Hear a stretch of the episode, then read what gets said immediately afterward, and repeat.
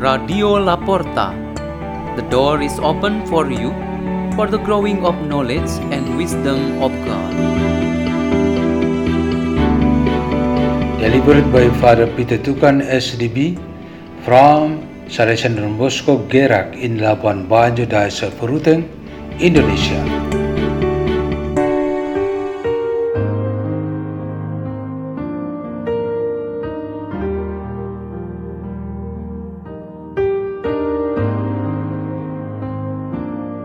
Readings and meditation on the Word of God on the second Sunday of Easter, the Divine Mercy Sunday, April 16, 2023.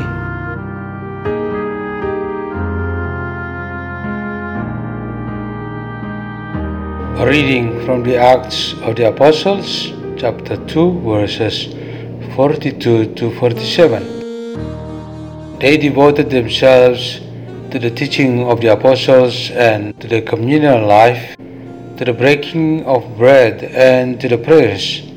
Awe came upon everyone, and many wonders and signs were done through the apostles. All who believed were together and had all things in common. They would sell their property and possessions and divide them among all according to each one's need.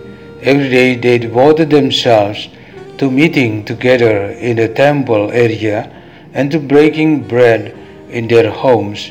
They ate their meals with exultation and sincerity of heart, praising God and enjoying favor with all the people. And every day the Lord added to their number those who were being saved. The word of the Lord.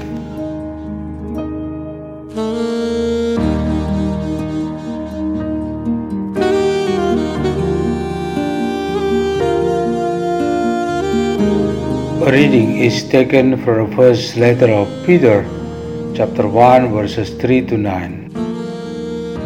Blessed be the God and Father of our Lord Jesus Christ, who in his great mercy gave us a new birth to a living hope through the resurrection of Jesus Christ from the dead, to an inheritance that is imperishable, undefiled, and unfading, kept in heaven for you who by the power of God are safeguarded through faith to a salvation that is ready to be received in the final time.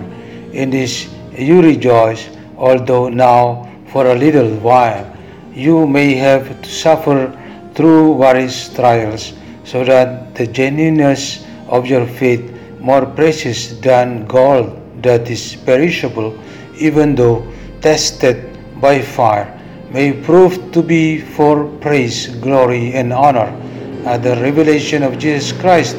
Although you have not seen him, you love him.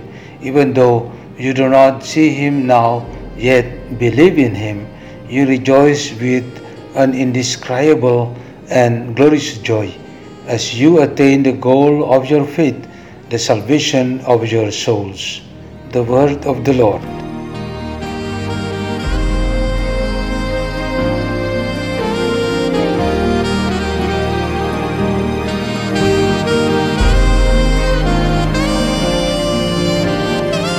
A reading is taken from the Holy Gospel according to John, chapter 20, verses 19 to 31st.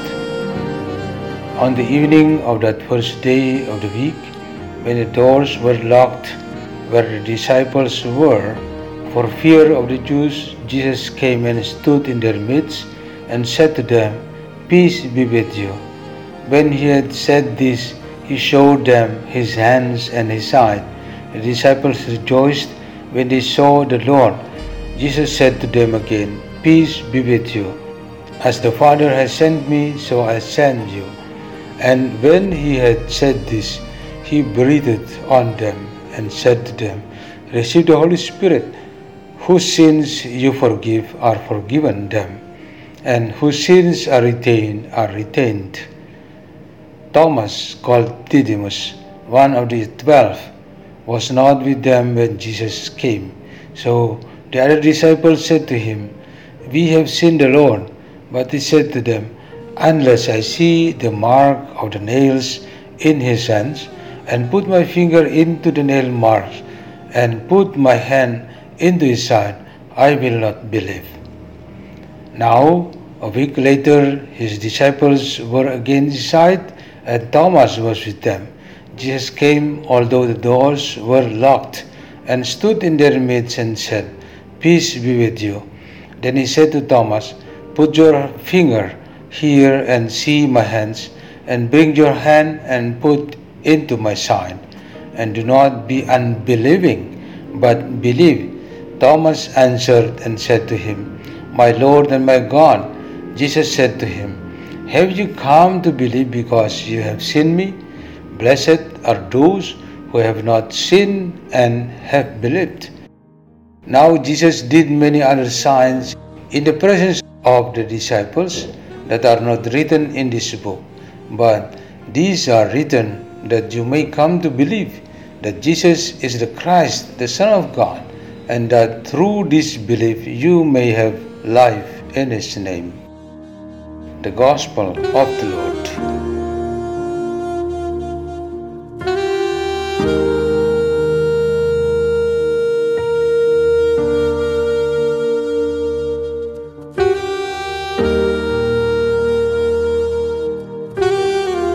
The theme for our meditation today on this second Sunday of Easter, the Divine Mercy Sunday, is The Day is Sunday. On June 29, 2002, Pope John Paul II instituted devotion to the Divine Mercy to be celebrated by the whole Church every second Sunday of Easter. By doing this devotion, we are given the opportunity to receive the plenary indulgence, which is the divine power given by the Church to cleanse or to remove all the temporal punishments that we should bear for the sins that are already forgiven. Those who take part in the Eucharist of the Sunday, who receive the sacrament of reconciliation, and who pray for the intentions of the Pope will obtain this plenary indulgence. This is the way how the mercy of God serves for our benefit. Sunday is the day of the Lord and also the day of us believers. This is the opportunity God chooses to come and to be present with His people. God is sure present because, as Jesus Himself says, where two or three people gather in His name, He is present with them. But not all believers come and participate in all acts of worship. Since the first church in Jerusalem, when Jesus had just risen from the dead, there were already church members who were absent on Sunday gathering and worship. An example of this was the Apostle Thomas he might have reasons for not participating it, but for sure, an absence or not being part of the church is definitely a big loss. Since the Apostle Thomas, we cannot avoid the fact that so many church members have not attended Sunday services. They surely have their own reasons for doing that. Consequently, they cannot meet with God to bear His words and receive His personally. They also cannot celebrate their faith together with other believers. This loss of privilege to celebrate the Sunday's obligation is a particular suffering from the ones absent, and according to the church law, this is a sin. According to the Acts of the Apostles in the first reading today, the sin of believers who miss Sunday obligation of worship include four very important losses, namely, not receiving a true and official knowledge of faith from God through the teaching of the church. Second, not sharing in the gifts of fellowship and unity both physically and spiritually. Third, do not take part in the breaking of the Eucharistic bread that is grace for a new life, and fourth, not being part of a community that prays and thanks God. With this celebration of God's mercy today, for those who have not attended the Eucharistic celebration on Sunday for a quiet of times, it is timely for asking God's mercy to forgive and reunite them into the church.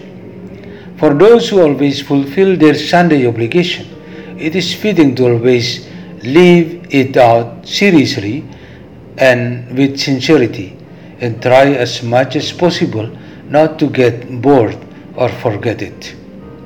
Let us pray. In the name of the Father, and of the Son, and of the Holy Spirit, Amen. O Jesus Christ, looked not on our sins, but give your care to our faith, which we always maintain through the worship that we celebrate. Our Father who art in heaven, hallowed be thy name. Thy kingdom come, thy will be done on earth as in heaven. Give us this day our bread, and forgive us our trespasses, as we forgive those who trespass against us. And lead us not into temptation, but deliver us from evil. Amen. In the name of the Father, and of the Son, and of the Holy Spirit. Amen. Radio La Porta. The door is open for you.